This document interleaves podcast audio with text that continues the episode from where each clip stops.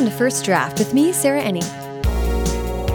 Before we get started, I just want to give you the heads up that I am doing a giveaway for five advanced reader copies of my book, Tell Me Everything, which comes out February 26th, on my personal Instagram account. So check out at Sarah Enni on Instagram, follow, and comment for a chance to win. Okay, on with today's show. Today, I'm talking to Katie Cotugno, author of How to Love, Fireworks, Top 10, and 99 Days, and her latest book, the sequel to 99 Days, Nine Days and Nine Nights. I loved what Katie had to say about her 10 year debut novel, the correlation between how she's writing and how she's feeling, and writing in the quiet after the loud. I hope you enjoy. Hi, Katie, how are you? Hi, Sarah. I'm really good. Thanks for having me. Oh my gosh, thanks for having me over to your lovely home. I love to start at the very beginning, which is where were you born and raised? Oh, um, I was born in New York City, actually. Both of my parents are born and raised New Yorkers. And so I was, I grew up in Westchester, um, which is like 40 minutes north of the city. Um, moved to Boston for college and with the idea that I would be back in four years, but that was like 15 years ago, and here we are. wow, I did not know that. So your family, mom and dad, still in New York? Yep. Uh, my mom and my sister are both in Brooklyn. My dad's on the Upper East Side, so I get down there a lot. And my husband's family is still in Westchester. So That's amazing. Yeah, I'm back and forth a bunch. Well, I had no idea. That's awesome. Tell me how reading and writing was a part of your life growing up. Oh my goodness. I was a big reader as a kid. I was like the kid who would come home from the library with like, you know, the stack of 15 Babysitters Club books. Um, I'm actually still that person. I'm rebuilding my Babysitters Club collection. I just found, I found, I bought 20 of them the other day at a Goodwill Amazing. in Dorchester. I was, yeah, it was like a big haul. um, What a joy. Babysitters Club, Sweet Valley High, Saddle Club, all the clubs basically. And series. and series, yes. Roald Dahl, Judy Blume, all those. And I was always a writer too. Like one of my earliest memories is sitting at my dad's office. He worked um, on Madison Ave in Manhattan, and he had a meeting. So I just like sat at his, you know, like very old Apple computer and typed away, printed like seventy copies out to the big printer in the middle of the office. And then, like, as I got into middle school, like, a lesson that I had to learn was that it's not fun for everybody if, like, what you decide that you're all doing at recess that day is like, we're all gonna write a story of our lives. Um, we're all gonna write thinly veiled fan fiction where, like, our names are like Sky and Amber. Can I say this is so interesting? Maurene Goo did this also, and I think Robin Benway did as well. This concept of fan fictioning your own life. Yep.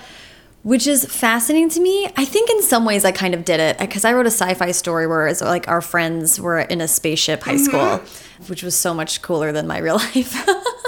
but I just love that you were actively wanting to change things in your present world. Mm-hmm. I think it's the middle school version of writing what you know. Mm-hmm. Um, mm-hmm. and, like, also leaning heavily into wish fulfillment. Totally.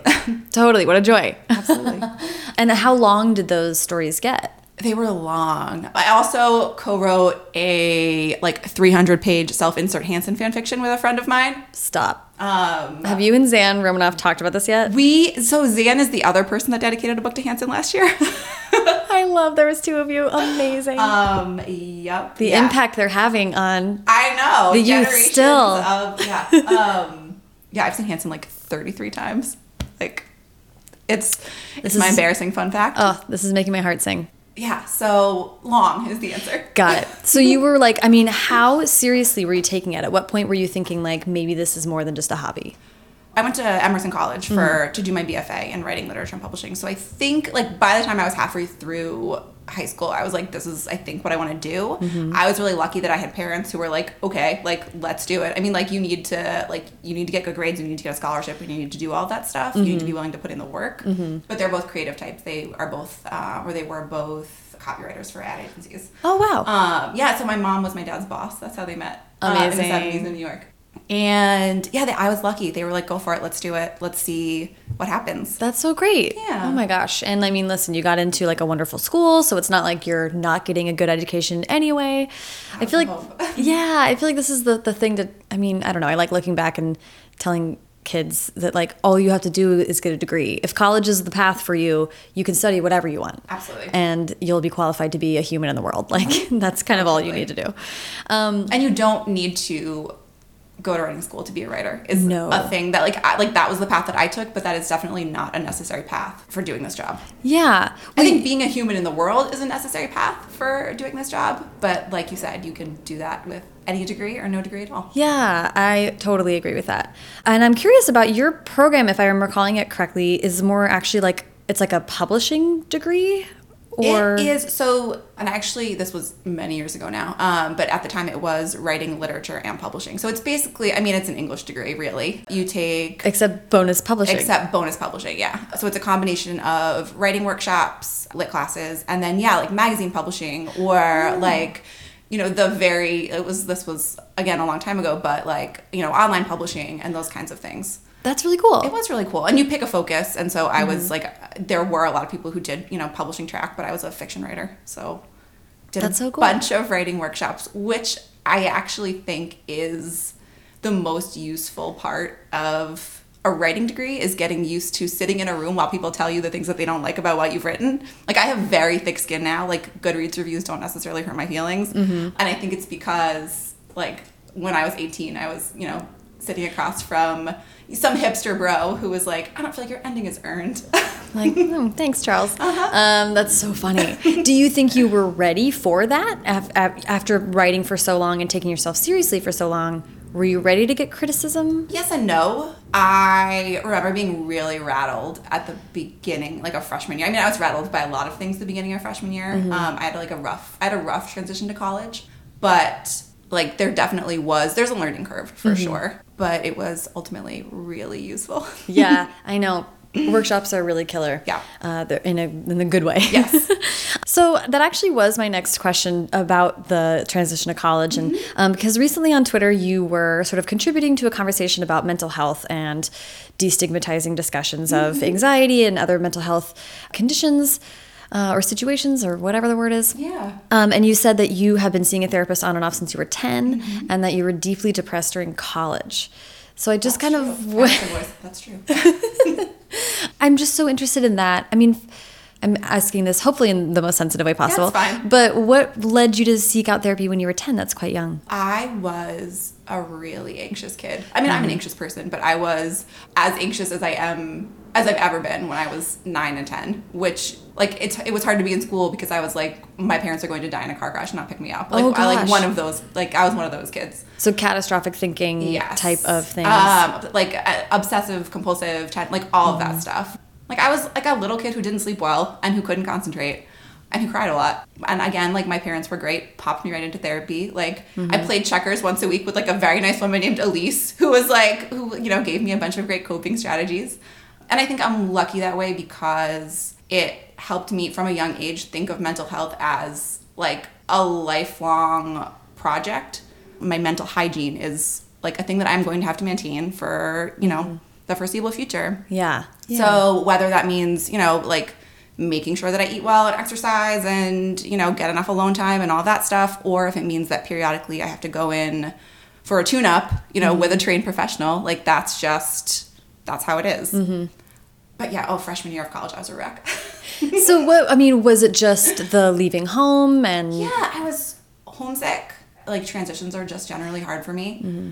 I like had a lot of high school friend drama. I mm-hmm. was just really lonely. And I think part of it was that like I went to an all girls Catholic school. Oh, wow. Um, yeah, I went to Catholic school for 13 years and Woo. then transitioned to Emerson, which is Very liberal. yeah, and like I mean, my family is very liberal. It wasn't the culture stuff necessarily, but it was going from a place where I felt very confident raising my hand and arguing with people to being in a place where I felt profoundly dumb all the time. Oh, wow. Um, yeah.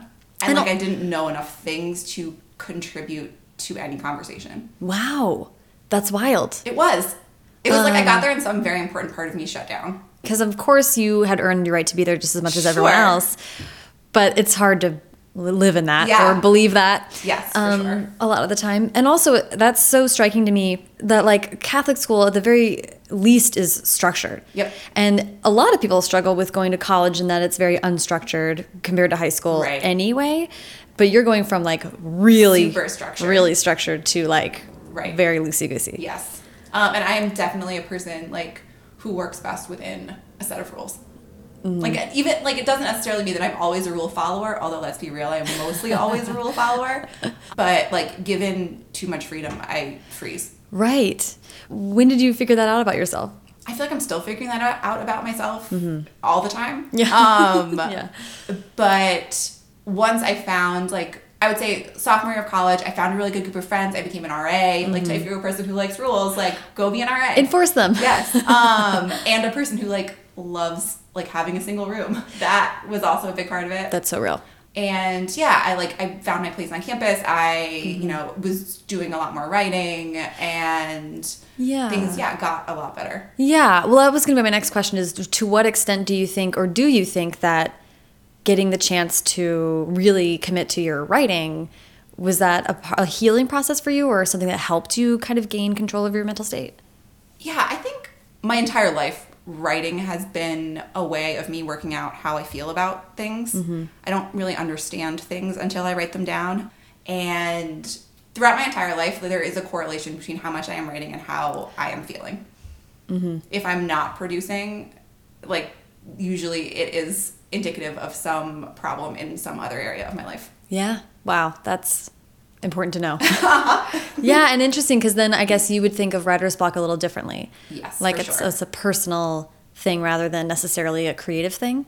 Yeah, I think that that's true. I think there are a lot of things that contribute to writer's block for me. Um, a lot of times, on the surface at least, it's like an input output problem. Like it means that I'm not taking in enough information. I'm not reading enough beautiful books. I'm not, you know, watching shows that make me happy. I'm not living in the world enough.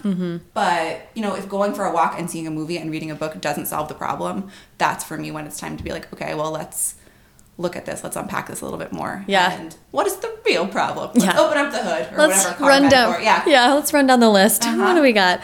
That's really interesting. And I was thinking about that that difficult transition and that sort of being open about thinking about mental health Mm-hmm. and how that may or may not have factored into writing uh, How to Love. Interesting. And tell me whether it did or not. I could be wrong. No, um, so I started How to Love when I was 16. What? Mhm. I wrote How to Love over 10 years, the first draft of it anyway. Whew. I did not know that. Yeah, it was my senior thesis when I was at Emerson. Mm-hmm. And it's very much like a patchwork quilt of my life during those 10 years. Wow. Like, I mean, like, you know, sat as a jazz musician because I was taking a history of jazz class that semester. Like, all of these, you know, Wow. all these kinds of different things. Yeah.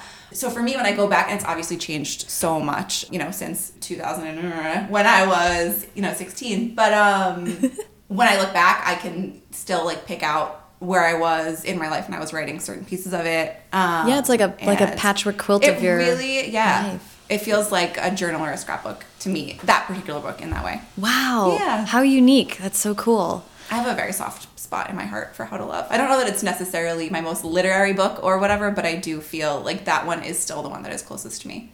Yeah, I was going to say that must just be that's just like you all over. Yeah. You, at any stage all over those pages. sure. That's really special. So how did it was your senior thesis, but then Mm-hmm. how do you go from writing it in workshop and class to getting it published? That is a good question. So, I graduated from Emerson in 2007, and this actually goes back to what we were just talking about. I graduated and I didn't write for a year. Oh, wow. Okay. Uh, I was very clear when I graduated that like I wanted a nine to five office job, and I was going to take a breath and figure out what I was going to do next. And it was a transition. It was a time where I suddenly didn't have that many rules anymore. Um, Even fewer rules. uh huh, exactly. and yeah, so I just I didn't write. Wow. And I like kind of climbed out of that about a year later, you know, brushed off the old draft, did a revision, and sent it out. I queried, I broke every single, I was so dumb. I broke every single query rule. I didn't do my research. I like blindly sent stuff out places.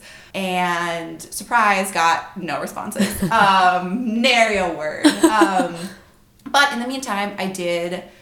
I, I was writing short stories again, and I was sending short stories out, and I mm-hmm. was getting some traction there and placing stories, and you know, first for places that didn't pay, and then mm-hmm. for places that did, and so that was I was lucky that I was getting that kind of encouragement. Yeah. So I kept going there, and then probably I think it was 2009, 2010 when I read a New Yorker article about Alloy Entertainment Oh, yeah. and I like you know ran to the old Google machine and they at that time were starting a new program called the collaborative. So normally how Alloy works is they have sort of they develop ideas in house and have sort of a stable of writers that they farm them out to. But the collaborative was this new thing they were trying where they were looking for sort of unseasoned writers who had very rough drafts of YA projects. And I was like, holy cow, I have one of those. Yeah, like, that's me. Yeah. So I sent off my material and I didn't hear anything back. But like at that time, I was never hearing back. So I was like, whatever, it's fine. Mm-hmm. Um, went about my business. And a full year later, I got an email back from them. Wow. I know, bonkers, right? They were like, we're working through the backlog. I was like, clearly. But they were like, you know, we really like what you've got here. Do you want to do a call? Do you want to come to New York and, you know, have lunch? And I know. Oh my gosh, out of the blue. So out of the blue. What an exciting. It was incredible. Well, so I went to lunch with Sara Shandler and Joelle Hobeika, who are two of my editors there now, and we had this lovely lunch. And afterwards, they were like, "Do you want to come back to the office and meet everyone?" And I like, I was like, "I'm sorry." I was like, "I have to do a Zach Morris timeout now because I need to ask, like, what are we doing? Like, what is actually What does this mean? Yes, Yeah. And they were like, "Well, we like, you know, we really love this project. We want to acquire it. We want to help you make it better, and we want to find a home for it."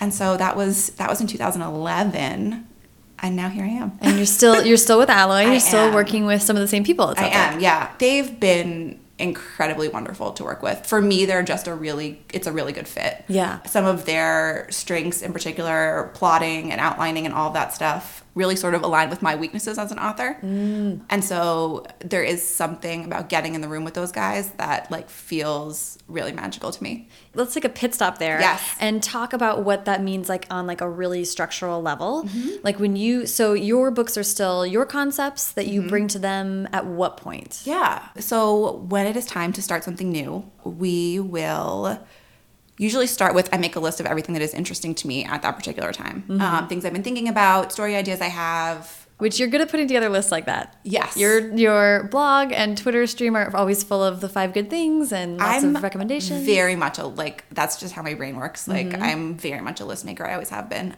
Yeah, and so we will just kind of bat ideas around, see, you know, what we're both, you know, what we're feeling excited about on both sides.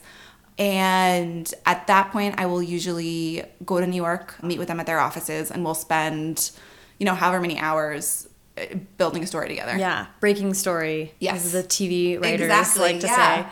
And from there, we'll put together an outline, a chapter by chapter, and then I kind of wind up and go. Wow. Yeah. So they really help you structure Yes. The heck out of it. And it's actually been really interesting. Like I've been working with them for so long that like I have learned so much. So the project that I'm working on now is the first time I was like I like usually we do the outline together and I was mm-hmm. like I actually think I was like I want to take a crack at this one. Like I want to outline this one myself. Yeah. and I like, you know, I did it and brought it to them and we're in good shape. And it worked? Yeah. Oh, great. if you said that it crashed and burned, that would be that would be uh-huh. terrible. But that's so neat that your novel writing process has always gotten the chance to be like collaborative in that way. I am not a great thinker out loud. Like I always feel really dumb in the room, but then I find that when I go home and I like sit down and I kind of process all that stuff, that's where like and those ideas percolate. That's like where I do my best kind of creative work. Yeah. In the quiet after the loud. Yes. Well, I mean, all of writing is like processing, right? Mm-hmm. So that makes sense to me, big time. This, this is a very like vague question, No, but fine. Mm-hmm. you come in with things that you're interested in. Is it like let's go to plot first, or let's think about who would be interested in these things as character wise? Mm-hmm. Like, how do you build? it changes from book to book. Mm-hmm. So for top 10, I knew I came in knowing that I wanted to write a book that started with a makeout mm-hmm. because usually my books end with makeouts. So I was like, what happens if we put all our cards on the table in chapter one? Mm-hmm. And from there, we were like, okay, who are these people? And like, what is the, like, that's two people making out at the beginning of the book is not a book, Katie. So, so like, let's, let's figure this out together. From there, like, I usually do go to plot 1st mm-hmm. And like if you come out of writing programs like I do, like if you are a person with a BFA and an MFA, like that's like considered very hacky. But that's how I work. Interesting. A lot of times, like for me, draft one is always about plot and draft two is about character. Because for me, at least as a writer, it's difficult to know how characters are going to act in a given situation until you put them in the situation. Mm-hmm. And so then once I've like gotten them to the end of the story, I can go back and fill in all of the, oh, you're this kind of person. Yeah, I do that too. Yeah. That's funny. Mm-hmm. Hacky. I don't know. I think it maybe helps us write books I think so too. Uh, but like I will tell you, the emphasis on MFA, like that, you know, on work in MFA programs is not. It's sort of divorced from publishing in a lot of ways. Yeah. I think that was actually the nice thing about the Emerson program. And I don't, I can only speak to the undergrad program there, Mm-hmm. but it was, again, like you said, a publishing program. Yeah, which is why I think it's such a cool Yes. to have that be like a part of it, Yeah. which it truly should be all the time. Like learn your field. If you want to be in a field, learn about it.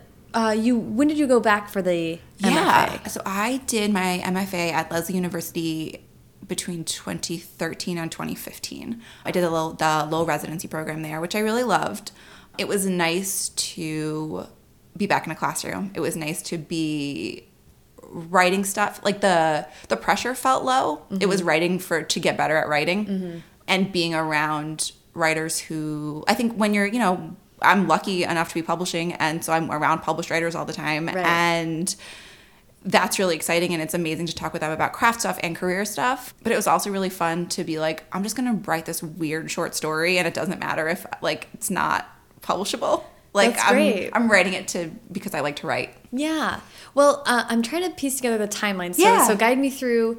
You graduate, and about a year later, well, two years later, it sounds like, then you Mm-hmm. Have a How to Love begins its way into the world officially. So you went back to your MFA while you were publishing. Yes. So just about when I started right before How to Love came out. So that was 2013. Got it. So I was, yeah, doing grad school work while, yeah, How to Love was publishing. And then I was writing 99 Days. In the program. Yeah. Uh, so I actually was not working on it in the program at all. Like I like sort of shut, like they were two very different parts of my brain. Wow. Yeah. That's so neat. It was really fun. and impressive that you're able to do that much creative writing all at the same time. the process processes felt very different creatively. It was like it really did feel like, and not that an MFA is not serious business, but like for me, it did feel like work and play. Yeah, that's great. Yeah. And then the other thing I wanted to go back to really quick was that it sort of makes sense to me that you like to play with structure in your books. You have kind of each one almost mm-hmm. to a T is different timelines or different how the chapters are arranged and that kind of thing. So it makes sense to me that you have this very structured beginning mm-hmm. to start with because otherwise you might go Lose crazy. yourself very easily. Oh, Yeah. for sure. I'm very much an outliner, and I think that is because I love wonky timelines so much. So it's really important to kind of track where characters are in each space before I get started. Mm-hmm. Otherwise, it's really easy for me to get stuck up my own butt. Yeah. So, well, let's definitely hit 99 days mm-hmm. because I really want to talk about Nine Days and Nine Nights. Yes. So, 99 Days sets up this story. And it's your second book, which mm-hmm. is the much loathed second book situation. How did that go? It was scary. It really, I mean, I think that, you know, the second book curse is the second book curse for a reason. It's, you know, like I said, I wrote How to Love over 10 years. Like, Yeah. nobody was waiting for me to finish How to Love. I was noodling on it, you know, when I felt excited about it and then abandoning it for six months at a time mm-hmm. and adding in things not because I thought they served the plot necessarily, at least in the beginning, but because, like, oh, this thing's interesting to me today. Mm-hmm. And when you're under contract for a, a book and you're lucky enough to be under contract for a book, you know people are waiting for it. You know people are going to read it. You know there's pressure on it to, like, people are counting on you to make it not garbage. Yeah, right. That is really scary. And in like j- A fractions fraction of of the the time. yeah. I was definitely nervous and I definitely had those moments of freezing. But I think actually part of having done school prog- writing programs mm-hmm. is that like if you're on a deadline, you're on a deadline. Like I'm really good on a deadline. I'm like sort of a workhorse. Like I'm not a show pony. Like I am pretty good at like showing up and doing my words every day, mm-hmm. even if I don't necessarily feel good about them. Mm-hmm, mm-hmm. But you can't, I mean, like, you can't revise what you haven't written. You can't shine something up if it's not there. So I think a lot of it was being the kind of person who needs to check off the boxes on her to do list is Right. like what got me through writing 99 days. Yeah, which is great. Yeah. And then also, like, the 99 days is sort of like Yes. giving you. I, so I wrote the first draft of that book in 99 days. Um, Get outta here. I wrote it in the fall of 2013. I took one day off to get married. Oh my gosh, Katie, what are you telling me? I wrote on my honeymoon, but I was like, I gotta get it done. Oh so, my gosh, that's so funny. uh, and I mean, some of the chapters in 99 Days are like two lines long. So it was like, those were life Fair, days. fair. Oh my gosh, that's so interesting. It was, that part was really fun. Okay, actually, before we get into too much more detail about 99 Days, would you uh, please pitch the story for us? Oh my goodness, sure. So 99 Days is about a girl named Molly Barlow who finds herself caught up in the middle of a love triangle involving two brothers, Gabe and Patrick Donnelly. It is about first loves and second loves and girl friendships. And I sort of think most importantly, the double standards that we have for guys and girls when it comes to sex and dating and romance. There are a lot of moving parts in this love triangle. Um, and there are a lot of people who are behaving badly, but Molly is the one who gets the blowback. And I actually, so Molly is the one who gets the blowback in the actual text of the book. And interestingly, like Molly is the one who got the blowback in reception to the book too, which I thought was really interesting. Very interesting. She's definitely my most divisive character. Um, people love her or hate her. Um, I love her very much, but she is. I mean, like I make no bones about the fact that like she's a screaming mess. Um, she makes the same bad decisions over and over, but I sort of love her for that. She's a slow learner. I'm also a slow learner, so I feel I feel protective of her in that way. yeah, well, I think that you write messy, complicated, feminist love stories. do. And it is interesting to see, not that readers have to respond to every character, but when there are messy, like truly messy stories featuring women, yeah, they get a lot, uh, they're unlikable and they, and how dare they make mistakes? Yeah. To me, when I look at reviews and it's people being upset that a character makes mistakes, it's like, have, are you familiar with books?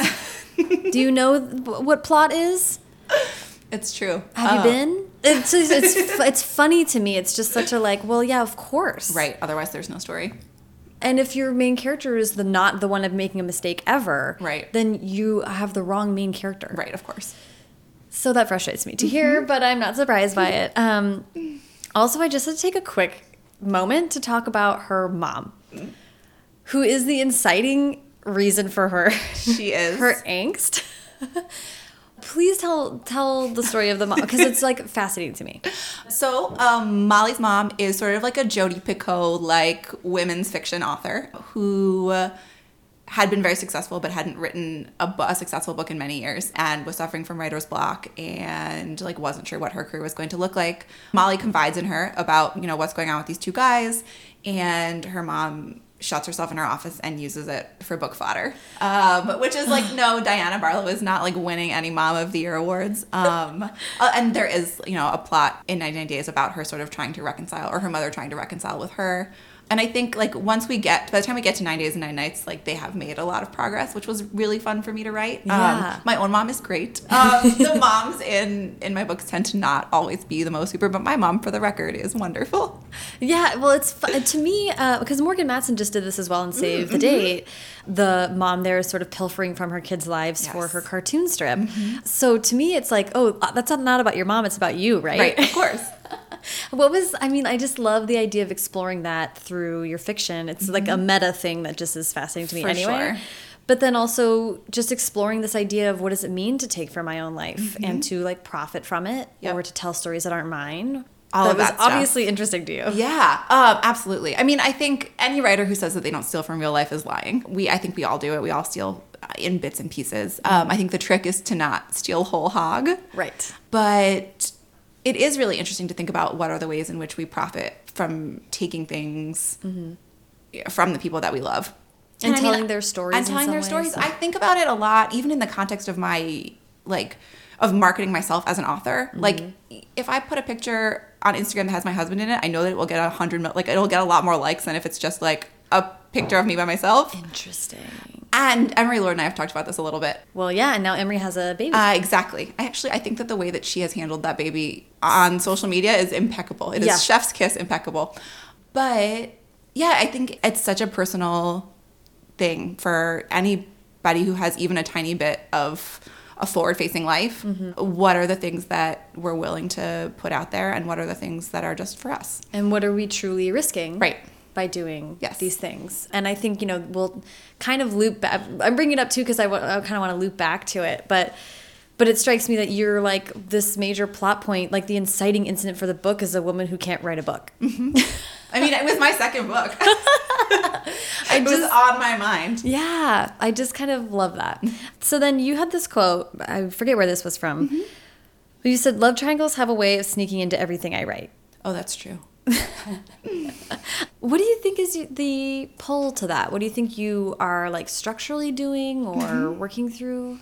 I think part of it is how much I love a trope and how much my instinct is to write into tropes as hard as I possibly can in the hopes of making them feel fresh and surprising. Yeah. I also think, I mean, part of it is coming out of fandom, part of it is being a person who like loves television very much, is that my brain just sort of think like my brain is structured that way. My mm-hmm. thought process, you know, kind of tends that way. Mm-hmm.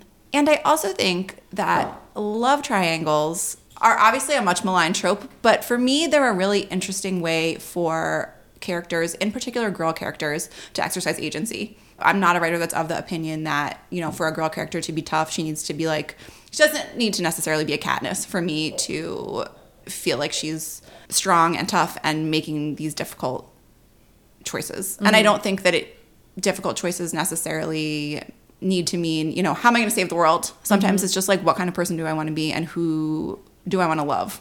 Yeah, and I forget who described it this way at some point, but I remember reading on someone's blog a long Mm-hmm. time ago that like it's not about having two potential boyfriends, it's Right. about like who would I be if I was with Yes. this person versus who would I be? What am I saying I care about? What am I saying I prioritize? How do I Mm-hmm. vision my life and my future?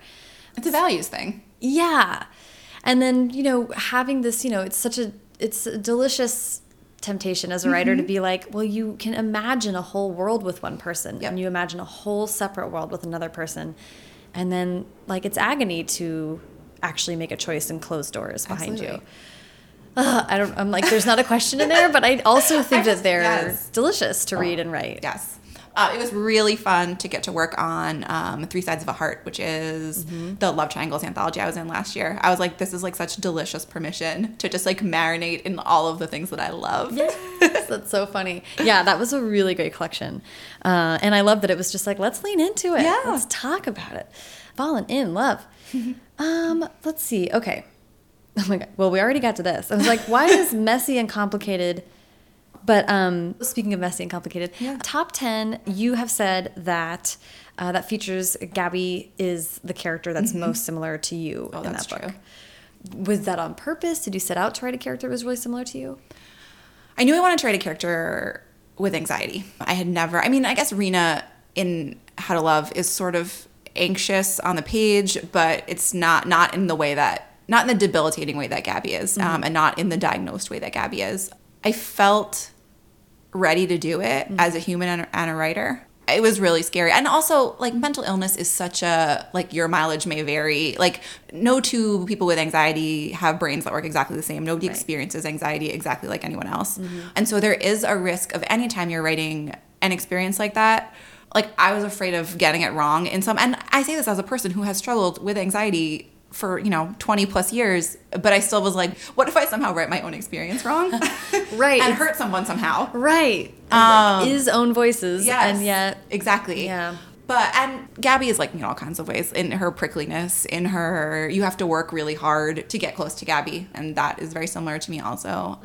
was it cathartic to write something Mm-hmm. to see yourself on the page, to be able to express that part of yourself? It was, and more than even writing about it, it was really cathartic to like go promote that book and talk about it. Mm. Obviously, this podcast is the exception, but generally, talking about my books is my least favorite part of writing them. I get very nervous on panels. I'm not great on my feet, and I had a lot of trepidation about going out into the world and talking about this book. Mm-hmm. But once I got out there, I was just like, I was just like sitting back in my chair, being like, "Yeah, let's talk about anxiety. Let's talk about depression. Like, bring me all your mental illness questions." Which is wonderful to have people who are out there willing to talk about it yeah, for sure. and field Um, questions like that. yeah i think that's important and i i tend to feel i so zan romanoff has talked a little bit about like the memification of anxiety and I like I have said to my husband before, like I was like I'm an anxiety hipster, like I was anxious before I was cool. But I think that the more like the flip side of that though is how important it is to be having these conversations. And if I like if when I was 10 I had heard authors and celebrities talking more openly about mental illness. Like I was in therapy when I was 10, but I was really embarrassed about it. I like told them I was going to dance class at school. Do you know what I mean? Like I was like, I'm not like this Right. is weird. There's something wrong with my brain. Everybody else's brain is fine. Hmm. And so being open about that, I think is sort of the least I can do. Yeah. Yeah, that's awesome. And then showing characters who are coping with it and understanding what naming things, Yes, right? All of exactly. the things that we're doing Right. now and And like you can still have a normal life if you have a messy brain. Like Mm-hmm. you can fall in love. You can, you know, like you can have these friendships. You can have a career. Like Mm-hmm. it is not necessarily a thing that is going to like it's a thing you're going to deal with probably for your whole life, Mm-hmm. but it doesn't necessarily have to be a thing that is what your life is about. yes, that's huge. Yeah. Um, I love that. Okay, let's like talk about nine days and nine nights. Nine days and nine nights, uh, specifically a little bit. Do you mind pitching this story? us, Yeah. please? So, Nine Days and Nine Nights is a sequel to 99 Days. It is about what happens when you've worked really hard to get over your past and your past appears on your romantic vacation to Europe with your new boyfriend, and also you're still a little bit in love with your past. Um, Nine Days and Nine Nights is a funny one to talk about because, on one hand, it is like very much a lighthearted European romp. Like it's a, literally about a European vacation. It's sort of aspirational in that way. But on the flip side, in some ways, it tackles, I think, some of the trickiest issues I've ever written about. Molly has been through a lot of really grown up stuff since we left her at the end of 99 Days, and she's tried to steer really hard into the opposite direction. So, where she was a mess in 99 Days, she is now like, super into super into rule following. Um you know she like has changed the way she dresses. She has this boyfriend who is like like a big bookish nerd and she is like everything about her is tidier than it was in 99 days. And the question is like what are the limits of that kind of self reinvention um how hard can you fake it? How long can you fake it? At what point are you faking it? And at what point is this just how you are now? All of those kind of identity questions were really interesting to dig into. Yeah, those are. I'm like, oh yeah, I can still relate to Uh-huh. all of those feelings. And we were just talking uh, before the mic turned on about that 99 Days was a book you get a lot of response to, Mm-hmm. And like you didn't necessarily see that coming or think that was going to be the case. And that in this book, you really are, like you said, tackling like really intense things. Mm-hmm. Um, Molly's gone through a lot and like very sort of divisive or Yeah. timely issues. yeah But yet you're seeing less response. I don't know. That was so interesting. Yeah, um, and we can name it. So Molly, we find out you find out pretty early on in the book that Molly had an abortion her the fall of her freshman year of college. And I feel really strongly that if you're going to write a sequel, you have to be really sure that you have more story left to unspool, mm-hmm. and you have to sort of be willing to double down in a lot of ways. Mm-hmm. So for me, I mean, on one hand, like it was scary, but on the other hand, it was like sort of fun and liberating to be like, oh, you think Molly was a mess in 99 days? Like, wait for this. but yeah, it's been heartening actually in a lot of ways to to read and hear the responses to 9 days and 9 nights and to feel like people are pulling for her in a way that they maybe weren't in 99 days. That's great. Yeah, it's been fun. Yeah, I love it. The doubling down. That's such a good way to think about sequels. Like, Mm-hmm. sort of, it's another way of twisting a trope, For sure. right? Having to take the the quote unquote trope of your first book, Yeah. and tilt it on its head, Absolutely. and in some ways just be more Mm-hmm. of everything, and, but with enough new stuff Yeah. to make it worth the whole separate endeavor. That was it was tricky to figure out who because Nine Days and Nine Nights doesn't take place in Star Lake. It takes mm-hmm. place like in a completely different location. It was interesting to try and think like who who am I going to pull in from the first book? Mm-hmm. You know, because you want readers to feel satisfied. You want them to like get to spend more time with the characters that they love. Mm-hmm. But at the same time, you don't want to chew food that you've already chewed. Right. Like so. That's a really gross way to put that, but that's true. It is Yeah, so that that part was exciting too. interesting. So, how did it come about? The wanting to revisit this world. Yeah. So, will there be a 99 Days has a pretty open ending, and I personally love an open ending, but I actually think that that is part of what led to such a divisive reaction to the book mm. because a lot of people don't. A lot of people are not reading for that experience. So, uh, will there be a sequel to 99 Days was like 100% the co- like the most common question that I got from readers. And my response went from, you know, first it was like, "Oh, definitely not." Like I've, you know, said everything I have to say there and then it went you know i kind of like as i knew you know enough people the power of suggestion like it got to the point where i was like well no but if i were to do it like mm, this is probably what would happen and then when you kind of hit that tipping point of like oh i'm thinking about this a lot and you know oh i sneezed and wrote 500 words of it but like they're probably garbage but and so you know i just kind of hit that point where i was like okay like let's let's do this. Let's try this and Yeah. see if there's something there. Do you think that, and this is like maybe a controversial statement, but having left an open ending, mm-hmm. do you think that was indicative that you felt that there might be more? You know, like, I do believe truly that you as an author can leave a story open ended and that mm-hmm. can be all for you and you can move on. And that was the, the character's story. But mm-hmm. So the reason that 99 Days had an open ending was because I set out to try and write a true love triangle, mm-hmm. like an equilateral love triangle. And so it felt really important to me that at the end of that book, like Molly needed to pick herself. Otherwise, it wasn't an equilateral love triangle. But I mean, that's the thing about narrative and the thing about books is that life doesn't end. You know, like like when a chapter of your life ends, you're still alive. So I love that. I love that you came back to Molly. And also, it struck me that we've talked a lot about transitions. I was thinking about the fact that it's a travel story. Yeah. And that it's, you know, it's unusual for YA. This is, she's older, she's in college, it's a travel story, serious boyfriend. Mm-hmm. And it seemed to me like what we were talking about with love triangles of you can imagine this, you can imagine that. The doubling down I see here is that she can imagine her life with Gabe, she can imagine her life with Ian.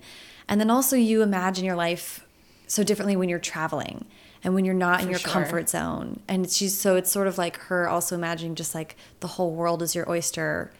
Then where do you go? things have really opened up for her in a way that was exciting and made me really happy for her in like a dorky way. But like so much of 99 Days is about feeling trapped in Star Lake. Like Star Lake is literally in the middle of the mountains. Like there's nowhere to go. Mm-hmm. And it was exciting for me to send her like not only to Boston for college, but then like all the way out into the world. Mm-hmm. Because I think, I mean, that's been my experience of growing up. And I think, you know, even if you are not like Molly's lucky she like has the means to travel. She has that privilege. But I think like that's sort of a like a classic coming of age. Like look at the way that you know the world can open up to you. Yeah, the the I mean, I love writing about senior year of high school because you're like, mm-hmm. what? You know, that's the first big step into Yes. the, the world. No matter where you go from there, it's like trying not to be at home anymore, basically.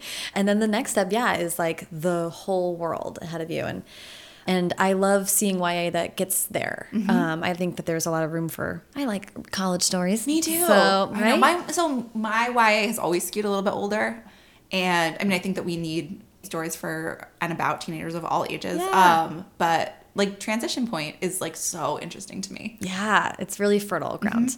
Well, Nine Days and Nine Nights sounds amazing. Thanks, friend. I'm so and ugh, your covers. Can I just say, I've been so lucky. Just like every single one out of the park, and the end papers, I love those end papers. man. The couple on the cover of Top 10 date in real, or they did at the time date in real life. I don't know if they still date. If they don't, I don't want to know. But at the time of shooting that cover, they were together. I feel like you can tell, Right? There's like genuine love, uh-huh. and isn't his name Wolf? Wolf. I read that and I was like, get out. I stole his name for my story in Meet Cute. Perfect. I was like, I'm, I'm keeping that. You have to. I immediately was like, Right? I must name Yes. my the next character Wolf. uh, it's also a cool name. Yes. Okay, so I want to flip a little bit and talk about careers. Yeah. You are someone who is difficult to interview because you are mid. You know what I mean? Like you, not mid, whatever. I'm not gonna put a timeline on it, but you are have written several books. You have an oeuvre to talk about, do. which is awesome. But you've also had we were talking about pre mic, Yeah. um, like a, year of learning and having to shelve a product Yeah, project. I just did. And I was, yeah, so I'm going to blog about this. I haven't blogged about it yet, but I did just recently abandon a project after working on it for like 14 months. Yeah, it was bonkers. So, like, on one hand, I do, like, I feel like I've been in this game now, you know, almost six years, and I feel like I've, I've learned a bunch of stuff and I'm savvy in some ways, but I'm still like, I hope that I'm still at the beginning of my career, and I mm-hmm. feel in many ways like a baby writer, and I feel like a person who still has a lot left to learn. For six years, you have a lot of work out in Thanks. the world. Thanks. Well, I, so that's why I hope that like it's okay after this time, like after having done this many projects in this many years, to be able to be like, I tried this one. It, like, so there's a moment. My sister and I quote The Office to each other a lot, but there's a moment in season three of The Office where Pam says, "I went on a date. It wasn't a love connection," and so that's how I felt. So this book was. It was a contemporary, but it had fantasy elements Oh, interesting. and I am not I never worked on anything like that before and I was mm-hmm. like oh this like I think I was also thinking, in full disclosure, like I was thinking career wise, I was like, I want to diversify the kind of projects that I do. I want to work on all kinds of different things. And I mm-hmm. still feel that way. But I really struggled with this from the very beginning with this kind of project. My mm-hmm. brain, at least at this stage of my career, just doesn't necessarily work that way. The world building of mm-hmm. it is not like I love contemporary realistic world building, but the world building that was required to like set up it like it was a mermaid project, I won't lie. It was it was a ah. great idea. So it was a it was an allegory for the heroin epidemic in the northeastern United States. Ooh. Well, hold the phone. Yes. Really quick. Yeah. Did the did that concept come first? Were you like Yes. consciously trying to build that? Yeah. Wow. Um, yeah. So I was really excited. I still really am excited about the concept, so nobody else steal it. But to build out the rules of what a whole like the paranormal part of it was just my I had a really difficult time. And I tried it a bunch of different ways and I wrote mm-hmm. it a bunch of different times and I actually had dinner with a friend from grad school and and like I said earlier like I'm a workhorse. Like I was like, well, it's not really going well, but I'm just going to like I'm going to bash my head against the wall and eventually the wall will crack. Right. And she said to me, we were like sitting there like drinking wine, and she was like, "Can I ask you a question?" She was like, "Do you like to read books like that?" Interesting. And I was like, I like put my glass down, and I was like, "Well." Hmm.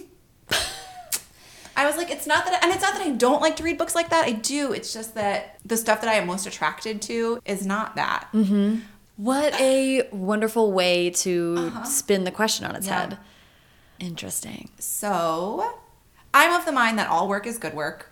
All the work you do before you get to a, like where a project is supposed to be is mm-hmm. that's all valuable. And I and I think it's the kind of thing that I like. I was writing things and throwing them away all the time when I was, you know, before I started publishing. Yeah. It was only as I started publishing that I was like, well, everything that I write must be Must stick. yeah. Yeah. So I saw Lauren Groff speak last night, and she was talking about how for every novel she writes, she first, and this is bonkers to me, but this is what she does. She writes all her novels out longhand, and then when she gets to the end of the draft, she throws them away before she starts again. Buh. I know. I know. I was Ugh, like, heartburn. uh huh. It really stressed me out. I like had to take a walk around the bookstore. Whew. But um, I mean, on one hand, that's bananas. But on one, the other hand, like that's amazing. Yeah. That's she was like, for her, that's part of creativity. Yeah. That's part of, like she's like, well, and once what I've done is gone, I can. It helps me remember like what was most important about. Like what attracted me to this project? What is most important? What are the images? Who are the mm-hmm. characters? Mm-hmm. What are the most important beats? Mm-hmm. So I am trying as I embark on whatever is next to think about that and to keep that in mind. Yeah. How did it feel to finally come to the decision to move past? half terrible because I'm a pleaser and I'm a rule follower and I never want to be a problem for anyone. I never want to hold anyone up. I never want to disappoint anyone. And also, it's embarrassing to work on something for 14 months and then be like, P.S. I didn't do great. JK. Yeah, yeah. This mm. and like six months before I shelved it, I knew I wasn't happy. But I was like, it's not the book. It's just me. Like I just am not good at writing anymore. I don't know. I'll figure it out. Nobody look at me. Um, Right, right, right. everything's fine here. Yeah. Um, and so I like I- I will be honest, I was mortified, but I'm also like I was also so relieved, like deeply physically relieved. And so like as much as I like to think of myself as like not a delicate flower and not somebody who's precious about her process and you know all of those things, like it felt really good in my body to not be working on this book anymore, which is how I was like, okay, well, That's one of those instinct moments Uh-huh. that is so reaffirming. yeah. Even though it's sad to have to Yeah. Leave work behind or or adjust your thinking in that way, like such a good like, oh yeah, that definitely was the right decision. Oh, for sure. Yeah. And I'm really excited about what I'm going to do next. So, which I like can't talk about yet because it's still, it's, yes, I know. But I, I feel good about it and it feels, it feels like a departure, but in a way that is being true to who I am as a writer and what is interesting to me. Yeah, that's it's fascinating to have a to be reminded of that. Mm-hmm. Like you wanted to try something new and different and that's such that's so admirable. Yeah. But then also like, oh, keep one foot in in what you. Yeah. are always going back to. Yeah. 'Cause What are you good at what do you like to read? Yeah. That's so fascinating. Uh, One of my questions coming in with you was Yeah. like, hey, there's like a year of darkness on your Mm-hmm. website. Yep. And that was going to be my question. Like, it seems it seemed obvious to me. I was like, that something was going on then Mm-hmm. that was maybe not helpful to you. I was, yeah, trying, I was putting all of my creative energy into writing a project that wasn't working. Yeah. And I didn't have anything left over for like updates about what I was watching on TV, I guess. Yeah. Which is a shame because I love blogging and I love talking about what I'm watching on TV. Right. It's like we were talking about those signs that something's Yeah. not right. Like to me, I was like, she's so consistently Mm-hmm. communicative, and then this like dark year. Yeah. I was like, what's going on there? Um, so that makes sense to me. Um, but we're all learning, so it's fine. The other day on Twitter, you wrote a comment to this really wonderful thread by Lisa Schroeder. I think that was her name. Yeah, we'll have Okay. to double check, but I think so. I will link to it Yes. if that was right.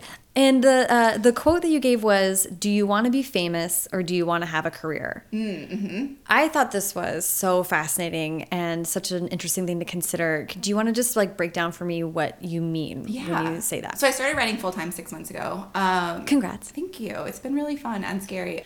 And during that time, I have like become the kind of person who like loves to listen to productivity podcasts and like motivational self help podcasts.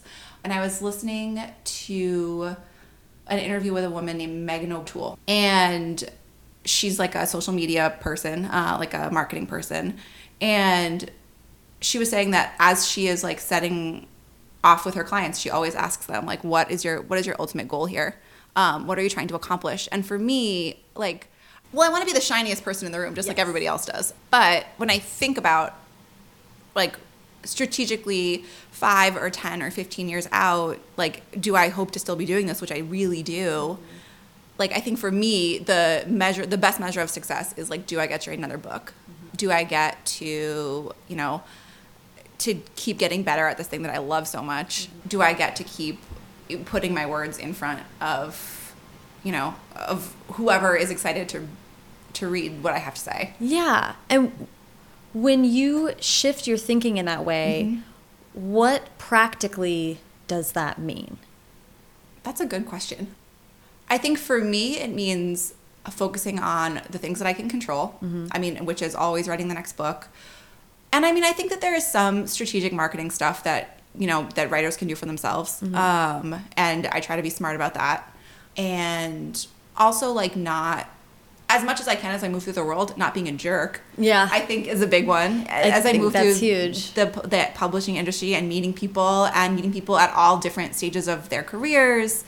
Like I remember so much like when I was a debut and knew nobody, like the authors that were good to me, Mm-hmm. and I like always try to pay that forward. Yeah. And And, and publishing, I mean, people like giving contracts to people who are pleasant to work with. I think that's true.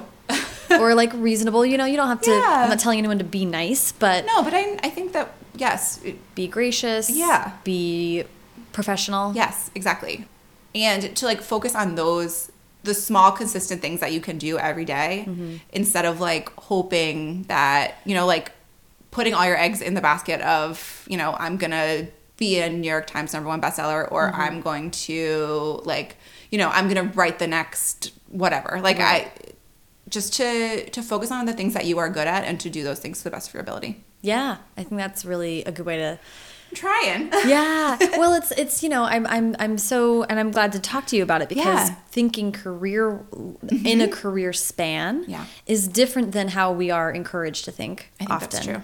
it's like project to project and listen we live that life of not having consistency the way that other people do so it can be easy to think about jumping stone to stone like that Mm-hmm. Yeah. Mm-hmm. so it's it's a bit of a mind stretch to try to uh, to hold a career in your head Oh, for sure. in that way, but really useful. Yeah. I think d- taking it at way back and thinking broadly um, is a good way to sort of motivate. Mm-hmm. Yeah. I think, and focus on what's important. For sure. And then also, you had this lovely post.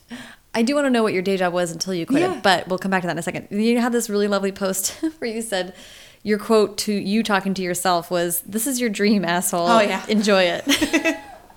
Can you contextualize that?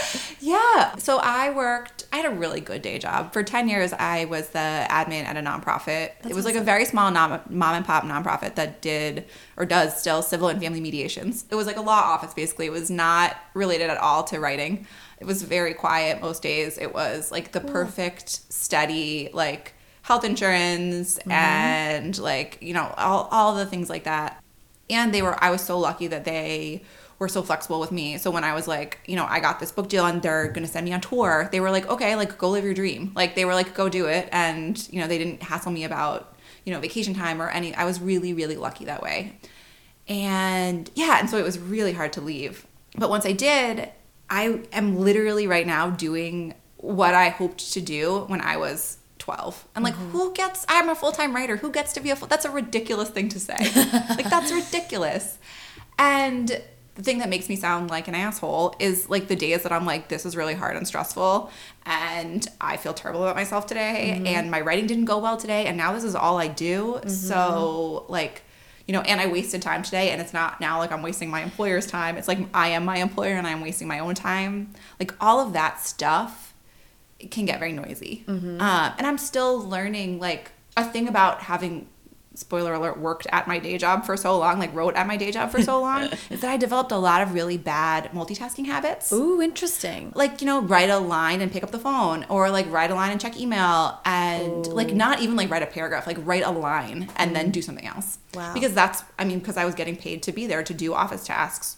So a thing that i was worried about when i started writing full time was that i wasn't going to get more writing done. It was just that like the stuff that i was doing was going to expand to fill the time that i now had. Mm-hmm. and that is what happened at the beginning. And so i've had to like te- like unlearn and i'm still am unlearning all these really bad like i set a timer for like 10 minutes and like that's all i can do sometimes. Yeah. like and then i have like i get itchy. I have to like get up and and like that's ridiculous 10 minutes. That's not a long time.